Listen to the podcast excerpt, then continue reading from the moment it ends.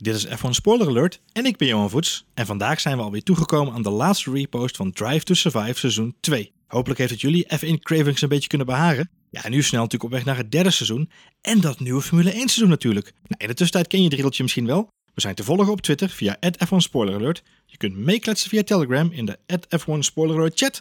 En hoe meer zielen, hoe meer vreugd voor ons aanstaande vijfde seizoen. Deel onze podcast met vrienden en familie en laat natuurlijk een review achter. En dan nu, de show.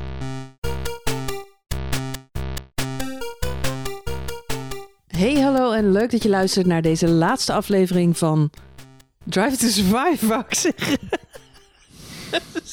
We stoppen ermee. Stomme podcast. F1 Spoiler Alert, leukste podcast over Formule 1, reviewed in dit speciale eh, ja, mini-seizoen eigenlijk. Dit speciale Sinterklaasjournaal.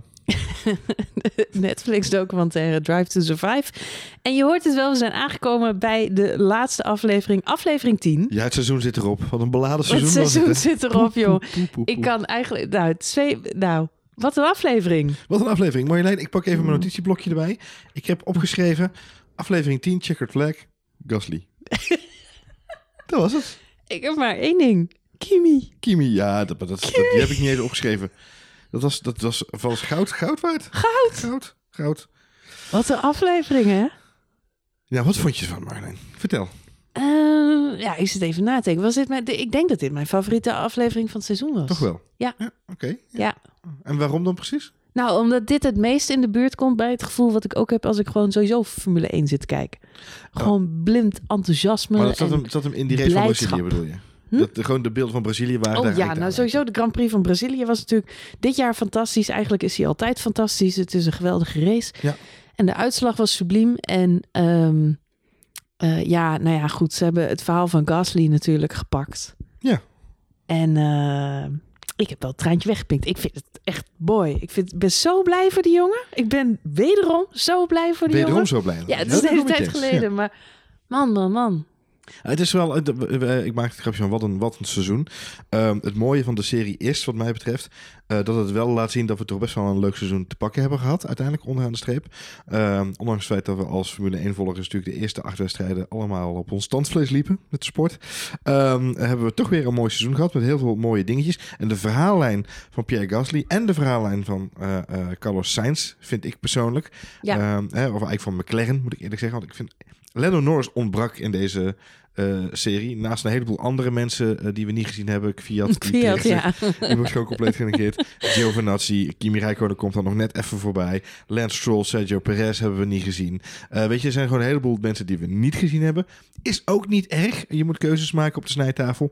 Maar... ehm, ik vind het onderaan de streep dan wel eh, heel erg jammer dat Lando Norris niet meegenomen is in dat verhaal van McLaren. Want daar heeft hij wel degelijk ook een rol in gespeeld. ja. Want hij heeft een hartstikke goed rookie seizoen gehad. Ehm, eh, maar goed, ik, ik, Maar goed, Max had in het eerste seizoen ook niet een hele grote rol, hè? Kwam Nee, ook maar een paar keer niet? langs. die nu ook niet echt Nou Iets ja, meer dan maar iets meer. Ik vond hem wel meer als... eh, als entiteit neergezet worden. Ja. Ja. ja, en van- hij werd ook belang. wel als, als de uitdager van Lewis Hamilton veel in beeld gebracht. Want Ferrari en overwinningen van Ferrari hebben we eigenlijk alleen maar heel kort even gezien ja, dat is waar. in, het, eh, in de aflevering over Ferrari. Als een soort losstaand verhaaltje. Ja. Maar niet als zijnde Ferrari doet mee om de titel en maakt het Lewis Hamilton heel erg lastig. In die rol wordt echt Max Verstappen eh, geportretteerd. Dus Ja, dat is dan wat- wel weer tof. Ja, wat eigenlijk in principe natuurlijk ook weer niet helemaal waar is. Maar goed, dat is de feiten versus het verhaal in dit geval. Nee, maar goed, we hebben, dus we hebben een aantal dingen. Maar de, het verhaal van Gasly en het verhaal van McLaren, eh, gepersonificeerd in, in Carlos Sainz. Dat waren natuurlijk twee hele mooie verhalen. En die kwamen heel mooi samen. Niet alleen in deze aflevering, maar natuurlijk ook gewoon in Brazilië. En vandaar dat ook Brazilië natuurlijk centraal stond. Ik vond, het, weet niet of ik het de beste aflevering vond, maar ik vond het wel een leuke aflevering. Vond jij het niet eh, opvallend, Marjolein, dat, eh, dat eigenlijk die hele wissel van Albon, dat, er, dat, eh, dat, dat het nu ineens weer zo terugkwam, zo geforceerd? Ik vond het heel opvallend dat het nu weer Gasly en Albon was tegenover elkaar. Terwijl ik dat nooit zo ervaren heb in, in, tijdens het seizoen. Eh, ja, vond ik dat opvallend? Nee, ja. Het zijn filmmakers, dus ze maken de cirkel rond. Eh, dit was het, het staartje. En ik denk dat de documentairemakers getrakteerd zijn met het feit dat die race in Brazilië nog zo'n een make-or-break moment was tussen die twee coureurs. Dat is waar. En eh, voor het verhaal is dat eigenlijk heel tof. Ja. Ehm, er is een switch geweest en je verwacht dan dat Albon in een prijswinnende auto zit, dat alles goed komt. Ik realiseerde me tijdens het kijken pas dat elke Red Bull-coureur dit jaar op podium heeft gestaan, behalve Albon. Ja, dat is waar. Want we hebben namelijk twee Toro twee Rosso's op het podium gehad. Fiat en eh, Gasly op het laatst. En Verstappen natuurlijk een aantal keer. Uiteraard, ja. Dus eh, ja, dat, moet, dat is op zich wel een tegenvaller. Eh, we weten ook allemaal de uitkomst. Albon mag blijven bij Red Bull. Pierre Gasly die wil heel graag weer terug. Wat ik interessant vond van deze, van, van deze aflevering, Frans Toost. Frans Tost, ja. Ja, we hebben nu heel veel coaches eh, gezien, of co- ja, teambazen. Teambazen, En ik zei tijdens, ja. tijdens de aflevering zei ik tegen jou, dit was ook een beetje het seizoen van, eh, van, de tien bondscoaches. Mhm. Want we hebben het eigenlijk best wel veel over managementstijlen gehad. Hoe pakt nou iedereen dat aan? En ehm, we hebben Ferrari gezien, eh, Mauro Picotto. En we hebben bij Mercedes natuurlijk Toto Wolff gezien. Gun Steiner, veel Steiner, over gehad. Ja, ja Abby de Boel bij Renault inderdaad. Ja. Precies. Dus ehm, Claire Williams, nog de Mhm, laatste mhm, aflevering. Nou, en eh, het is leuk om dan Frans Toost ook nog even in beeld te zien. Ook al was het maar heel kort. Ehm, maar ik vind het dan wel weer heel fijn om te zien hoe Pierre Gasly daar met open armen ontvangen is door Ja, maar- zijn oude team. Maar er is daar iets, en dat vind ik wel jammer, dat blijft eigenlijk onderbelicht. Want de, de, wat ze daarvoor gedaan hebben, dat is hetgene waar jij zei op een gegeven moment van, "Oh, ik ben nu al benieuwd. En toen dacht ik, ja, je hebt wel gelijk, ik ben ook wel benieuwd hoe ze dat voor elkaar gekregen hebben. Ehm, maar wat mij opviel is dat ze dat eigenlijk niet, in, niet, niet laten zien. Er is geen moment waarop je denkt, en, en het kan zijn dat ze dat niet hebben kunnen vangen op camera, of dat het wel op camera gevangen is, maar dat het gewoon niet zo heel erg mooi was. Nee, maar de wijze Maar- waarop Frans Toost over Gasly praat, vond ik al veelzeggend genoeg. veel vaderlijker. Ja. Veel vaderlijker. Mhm. En het, het was op een manier van, hij moet nu eerst even dit doen. En dan gaan we dat weer opbouwen. En dan eh, gaan we auto rijden. Dat was een beetje wat hij zei. Maar feitelijk is hij terug bij zijn jeugdcoach, hè? zo moet je het ook zien. Hij is gewoon terug naar de belofte. En, eh, en daar staat de belofte trainer. Die heeft een andere manier van dingen benaderen. Dus de, En de euforie van zijn team. Als hij die tweede plek pakt in Brazilië. Die jongens die gaan door het lint. Weet Ja. je, er is feest alsof je het nog nooit eerder gezien. En dat, ja, ik vond het destijds al mooi toen het in het echt gebeurde. Maar eh, man, dit, zijn- ja, dit zijn de mooiste sportverhalen. Iemand die een enorme setback heeft gehad. En dan met zijn oude teamgenootjes, waar hij een jaar lang gereden heeft, waar hij de alle het rijlen en zeilen goed kent. Eh, Frans Toost als de vaderfiguur eh, die hem zegt van... Ah, kom op jochie, we gaan het weer opnieuw eh, aanpakken. Komt allemaal goed. En dan dat succes halen. Bam! ja, eens. Het is, eh, het is, hij was vanaf dag één weer snel bij Toro Rosso. Ja, En ik denk dat daar ook iets ontstaan is in die, in die, in die pit, bij die pitcrew ook. En, hè, zijn team om hem heen. Zo van, ja, weet je, we gaan gewoon een poepje laten ruiken bij Red Bull. We gaan laten zien dat we het toch kunnen. Eh, en natuurlijk moet dan alles meezitten. Hè, want de race in Brazilië was natuurlijk knotsgek. Eh, als je het allemaal op een rijtje zet. Bottas valt uit met een kapotte motor. Hamilton heeft een, een matige race daar. Was natuurlijk ook al een beetje vakantie aan het vieren. Ehm, de Ferraris knallen boven op elkaar. Die race had echt een heleboel in zich. Ik geloof dat we in die race ook drie safety cars hebben gehad. Ehm, eh, dus weet je, op zich is dat ook wel... Het mooie daarvan is, het was een hele mooie race om te zien. Omdat het een spektakel was. Maar dan ook nog eens met zo'n die drag race aan het einde.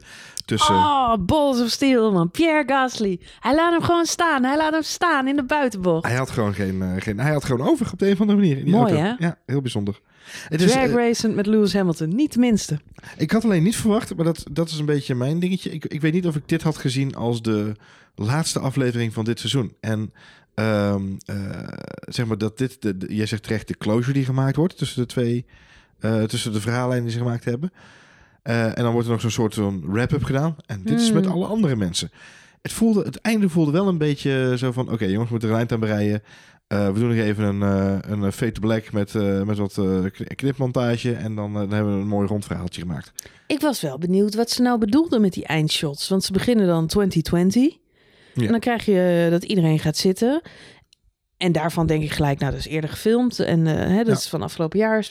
Maar ineens gaan ze dan allemaal nieuwe coureurs introduceren. Want Kimi Räikkönen zit daar dan. Lance Stroll zit daar ineens. Eh, wat is... Waarom? Ja, ze hebben daar gewoon nog wat b-roll opgeschoten, denk ik. En, Ja. eh, en die moesten ze nog even kwijt. Ik denk dat ze gewoon afgesproken hebben dat ze zoveel uur video zouden monteren voor Netflix. Eh, want dat stukje over 2020 gaat over de regels van volgend jaar. Wat gaat het komend seizoen brengen? Het is een soort vooruitblik op het komend seizoen. En, en komt het interview met Kimi Räikkönen, komt dat nog integraal als losse aflevering of zo? Want eh, Nou ja, kunnen we daar een petitie voor starten? Of? Nou ja, Marjolein, er is ooit een podcast opgenomen met Kimi Räikkönen. Ik weet niet of je die wel eens hebt geprobeerd te luisteren. Die is niet te verstaan. Eh, je podcast zou kunnen ondertitelen, zou weet- dat een goede optie zijn. ik, weet, maar ik weet dat ik niet de beste podcaststem van Nederland heb. Maar Kimi Räikkönen die kan daar nog wel eh, een tikje bij leren, zeg maar. Er, zit wat, er zit wat ruimte voor verbetering in Kimi zijn, zijn, zijn presentatieskills. Dus laten we alsjeblieft niet een heel interview met Kimi Räikkönen opnemen. Maar het vooral bij deze prachtige one-liners laten. Hmm. Nee, en wat ze daar wilden doen is inderdaad de 2020 introduceren en dat er veranderingen aankomen. Maar daarom zeg ik, dat voelde allemaal een beetje gehaast en gestunteld aan het einde van de, van de rit. Aan de andere kant heb ik zoiets van, ja, weet je, ik heb zojuist eigenlijk tien afleveringen lang met deze nog eens bij naar een heerlijke serie te kijken. En, en was het ook wel goed, weet je. Het had er niet eens achteraan gehoeven wat mij betreft. Nee, ik snap wat je bedoelt. Eh, ik, ik denk qua einde van het verhaal is het goed. Ik ben blij. Je moet ook niet chronologisch eh, het Formule 1 jaar helemaal gaan doornemen. Dat is saai. Ehm, bepaalde dingen ja, eh, wijzen zichzelf. Lewis Hamilton die wordt wereldkampioen. Het was ook niet heel erg spannend. Het was hier in Amerika al. Toen moesten ze nog een paar races. Dus ja, daar wil je ook niet meer afsluiten. Dat doen ze trouwens eigenlijk wel nog een beetje door met hem naar die fabriek van Mercedes toe te gaan. Dus ja, eh, dat, dat rappen ze ook nog. Doen ze ook nog een eh, strikje, Een strikje om. Een strikje om. Dus ja, ze, ze, ze, ze brengen wel wat. We zien Hulkenberg weggaan bij Renault. Ja, nog even de afscheidsfotootjes die gemaakt zijn. Ja. Ja, dus ze proberen wel eh, alles naar goed einde te brengen. Wat ik van het hele seizoen vind. ehm, ik denk dat ik het een beter seizoen vond dan vorig jaar. Mhm. Als fan, als echt Formule 1 fan zijnde. Omdat wat ik al in, in eerdere aflevering zei. Ik vind dat ze eh, hun best hebben gedaan om het zo waarheidsgetrouw mogelijk neer te zetten. Dat had ik bij het eerste seizoen af en toe niet. De opmerking die Toto Wolf toen ook had, die zat er naar te kijken eh, de eerste eh, seizoen en die had zoiets van: wat is dit? En is dit mijn werk? Want ik herken mijn eigen werk niet. Nee, dit is niet de wereld waarin Dit ik is niet de rondloop. wereld Nee. waar ik in rondloop. En ik heb het gevoel dat ze dat heel erg hebben willen oplossen. Want het is allemaal wel stukken herkenbaarder. Echter vind ik misschien dat het op sommige punten daardoor ook wat minder spannend is. Kijk, ik vind het nog steeds fantastisch om bij al die teams Ja. binnen te kijken. Maar ben ik er nou heel veel wijzer van? Heb ik heel veel nieuwe dingen gezien? Abit de Boel wisten we natuurlijk al. eh, Nee, het is, Dat het is een... eh, eh, Het is een, eh, eh, het is bad een, Boss of the Month eh, het is natuurlijk een, mee naar een- huis neemt. Het is natuurlijk een soort Venn-diagram. Hè? De, teams, eh, eh, of sorry, de, de crew van deze documentaire serie wordt natuurlijk steeds behendiger in eh, op de juiste moment op de juiste plekken zijn en bepaalde situaties herkennen, waardoor ze daar met de camera bij zijn en ze beter in beeld kunnen brengen. Eh, aan de andere kant worden de teams natuurlijk steeds slimmer in het manipuleren van situaties en zorgen dat ze zich eh, dat ze voorbereid zijn op ja, bepaalde verhaallijnen en, eh, en zorgen dat het op een bepaalde manier naar voren toe komt. In... Ik heb heel erg gelachen om hoe vaak de referentie naar Netflix wordt gemaakt. Ja, maar ze hebben natuurlijk Bijna gewoon heel elke erg- aflevering. ze hebben natuurlijk gewoon heel erg goed door dat die cameraploeg van Netflix daar staat. Ja, Dus natuurlijk. Maar dus, de eerste twee afleveringen begonnen ook met een grapje. Met, eh, dat iemand gewoon zat te dissen en dat, Ja. dat ga je eruit knippen. Hè? En Ja, dat, is gewoon erin gemonteerd. Nee, precies, ja. Nee, dus dat is het verhaal een beetje inderdaad. Ik zei tegen jou met de Ferrari-aflevering, eh daar had ik mijn aluhoedje weer even op, dat ik ook tegen jou zei, joh, het zou me ook geen reet verbazen als ze bij Ferrari nog nagedacht hebben over, eh, want zij hadden daar problemen met de motoren. Ja, natuurlijk. in Dus Amerika. ze kregen daar natuurlijk de, de, de, de order vanuit de FIA er iets aan moesten gaan doen. En vervolgens had Leclerc een probleem met zijn motor. En toen zei ik nog eh, tegen jou, eh, half grappend, eh, het, zou, het zou me niet verbazen als, als Ferrari gewoon bedacht heeft, we, we faken een engine probleem. zodat we in ieder geval voor de documentaire kunnen laten zien dat er echt een probleem was.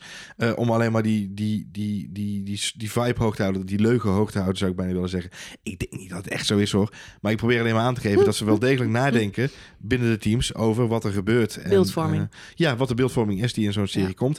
Met als wat mij betreft het meest maximale voorbeeld eh, Claire Williams in aflevering 9.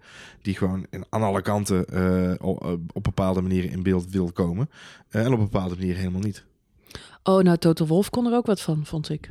Jazeker, ja, ja. Nee, die heeft daar ook eh, goed, eh, goed eh, in Alhoewel die er bij tijdwijl ook compleet maling aan heeft. Want het shot met Esteban Ocon in de auto... waarbij die Cyril op het boel vrij openlijk zit te bellen. Ja, maar daar moet je je dan zo weer van afvragen in hoeverre dat dus inderdaad eh, een dat- maling dat hebben geeft- is of slim bepaald. Het is een soort is alsof je hem ziet bungee jumpen. Want hij heeft zoveel vertrouwen in het legal team van Mercedes. Dat hij zeker weet dat die NDA van Netflix zo potdicht zit. Dat hij dit soort dingen gewoon kan doen. Waar die Nou, cameracrew bij is. Want ze gaan het toch niet in hun kop halen om eh, zo'n non-disclosure agreement het schenden. Nee, maar dit is, dit is de, de mooie grap die je hebt ook met... ehm, eh, nee, dat gaan ze sowieso niet doen, overigens, vooropgesteld. Nee. Dat, natuurlijk, dat is Nee, maar hij moet wel tomeloos vertrouwen Maar los hebben daarvan, in... eh, los daarvan zien we daar Toto Wolff in een andere rol. En misschien is dat ook wel hetgene wat we niet zien. Want hij- daar is hij de manager van Ja. Esteban Ocon, niet Ja. de teambaas van Mercedes. ja, dat is- Verwarrend is alleen dat zowel Esteban Ocon als hij in een Mercedes-outfit zitten daar. Ja. Eh, hij, heeft, hij heeft zijn jaren 50 goedje nog in zijn hand ja, hij heeft letterlijk een eh, verkeerde petje op. Hij is letterlijk een verkeerde hoedje op. Ja, een verkeerde hoedje op inderdaad. Dus hij zit daar als manager van Ocon. Dus hij kan dan ook veel vrijer spreken. Omdat hij in een andere hoedanigheid daar zit. Alleen als neutrale kijker eh, heb je dat niet echt helemaal lekker door, zeg maar. Dus dat is een beetje vervreemdend. Nee, het is, in alle opzichten was het een hele verbetering ten opzichte van seizoen 1. of seizoen 3, als het er gaat komen. Hè. Ze- Ze zeggen dat het nog niet... eh, het is nog niet beklonken. Maar het zou mij niet verbazen. Volgens mij liepen de cameraploegen alweer rond in, eh, in Barcelona. Dus het zou mij niet verbazen als er toch wordt besloten... om ook een derde seizoen eh eraan vast te plakken. Ja, dan is de vraag, eh, hoeveel controle hebben de teams eh, eh, in handen genomen? En hoeveel is er nog eh, echt daadwerkelijk te vinden voor de jongens? Welke coureurs eh, kijk jij nu het meest naar uit? Nou, we hebben net eh, alles gezien. Ik vind Ja. het wel... Enerzijds vind ik het jammer dat we zo lang op hebben moeten wachten. Mhm. Want eh, eigenlijk had je dit in december gelijk willen kijken... als een soort afkikperiode. Aan de andere kant, nog twee weken... als alles doorgaat, gaan we weer racen. Ja. Ehm, het is wel fantastisch op, maar ik heb er wel onwijs veel zin weer in... nu iedereen gezien weer hebbende. Ik denk dat het een hele goede is om juist op dit tijdstip inderdaad rond deze periode uit te zenden. Na de, rond de tests. Mensen worden weer een beetje ontwaken uit hun winterslaap. Dus ik denk dat de timing best wel oké is. Ehm, welke, welke coureur of coureurs ik het meest naar uitkijk. Ehm, ik, ik, los van, van onze eigen eh, Nederlands trots. Ik ben heel erg benieuwd naar de progressie bij McLaren. Eh, maar voornamelijk bij Williams. Eh, omdat Claire Williams met zoveel daadwerkelijke oprechte passie sprak over George Russell. Ben ik echt heel erg benieuwd als hij dit jaar een fatsoenlijke auto heeft. Als het gelukt is bij Williams om een fatsoenlijke auto te bouwen. Ja, wat er dan uit die jongen komt. Daar ben ik heel benieuwd naar. Echt oprecht heel benieuwd. Ja, ja, ik ben wel met je eens. Eh, Sowieso hoop ik natuurlijk dat Red Bull met een sterker eh, pakket op de grid eh, verschijnt. Dat zou zo prettig zijn. dat zou sowieso fijn zijn. Mercedes hopelijk wat minder dominant, maar ik vrees het ergste. Ja. Ferrari ben ik echt bang dat die ja, ergens weer tekort komen. Over gaan compenseren met iets wat niet mag. Ehm, ja, goed. Enerzijds, ik gun het Vettel zo erg hè, om nog toch terug te komen. En eh, aan de andere kant denk ik, ja, sorry Vettel, niet dit jaar. Want Max moet eerst kampioen worden. Ja, mag je dan Dus af en toe eh, proberen. dat Ja. mag, ja, doe maar een andere keer. Gaat hij niet doen, maar dan mag je proberen dan. Ja, Ja, hij mag het weer, eh, ja, goed, een andere keer. En ehm, een McLaren inderdaad, podiumplekken. Ja, dat zou ik te, te Als gek ze mega vinden. strijden om de podia zou het gek zijn. Ja. Absoluut. Ja. Eh, Toro Rosso zitten ook gewoon twee leuke jongens die goed meedraaien. Dus ja, dat zijn wel... ja, ja, Renault ben ik zelf wat minder eh, fan van. Maar eh wie Nee, weet ja, dat- kan Daniel Ricciardo toch ook eens een keer een podium pakken. Het is wel waarvoor hij gekomen is. ja, maar het is, niet, het is niet waar ik voor ga staan. Nee. In, nee, maar in elk geval, Nee. ik verwacht wel eh, fireworks tussen hem en Ocon. Ja, daar ben ik wel heel benieuwd naar. Ik. Die chemie, dat, dat moet zich nog even laten... Grilburg Challenge is in elk geval dat die elkaar nog een keer, een keer van de baan gaan tetsen. Als het bij één keer blijft, is het, dan is het een dat, goed jaar voor Renault. dan is Ja. het nog makkelijk, Ja, inderdaad.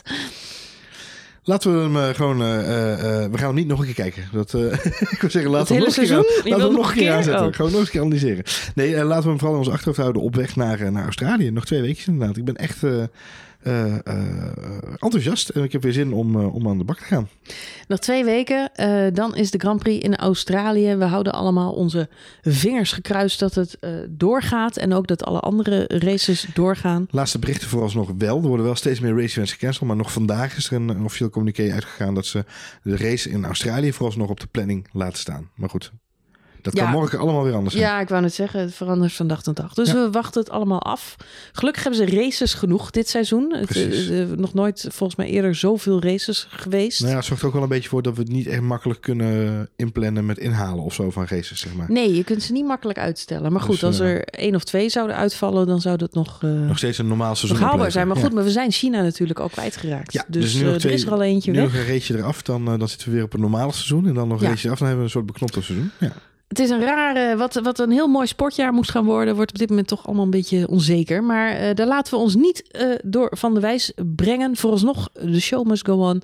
En de Formule 1 gaat ook gewoon door. Dus wij gaan ervan uit dat we over een weekje of anderhalf eh, gewoon weer een podcastje opnemen. Ja, toch? sowieso nog een updateje tussendoor. Even kijken wat het laatste nieuws is. Ja, Ja. leuk. Een Op- vooruitblikje. even de opmaat naar, naar Australië. Te gek. Nou, gaan we doen. Ik heb je zin aan. Ik ook.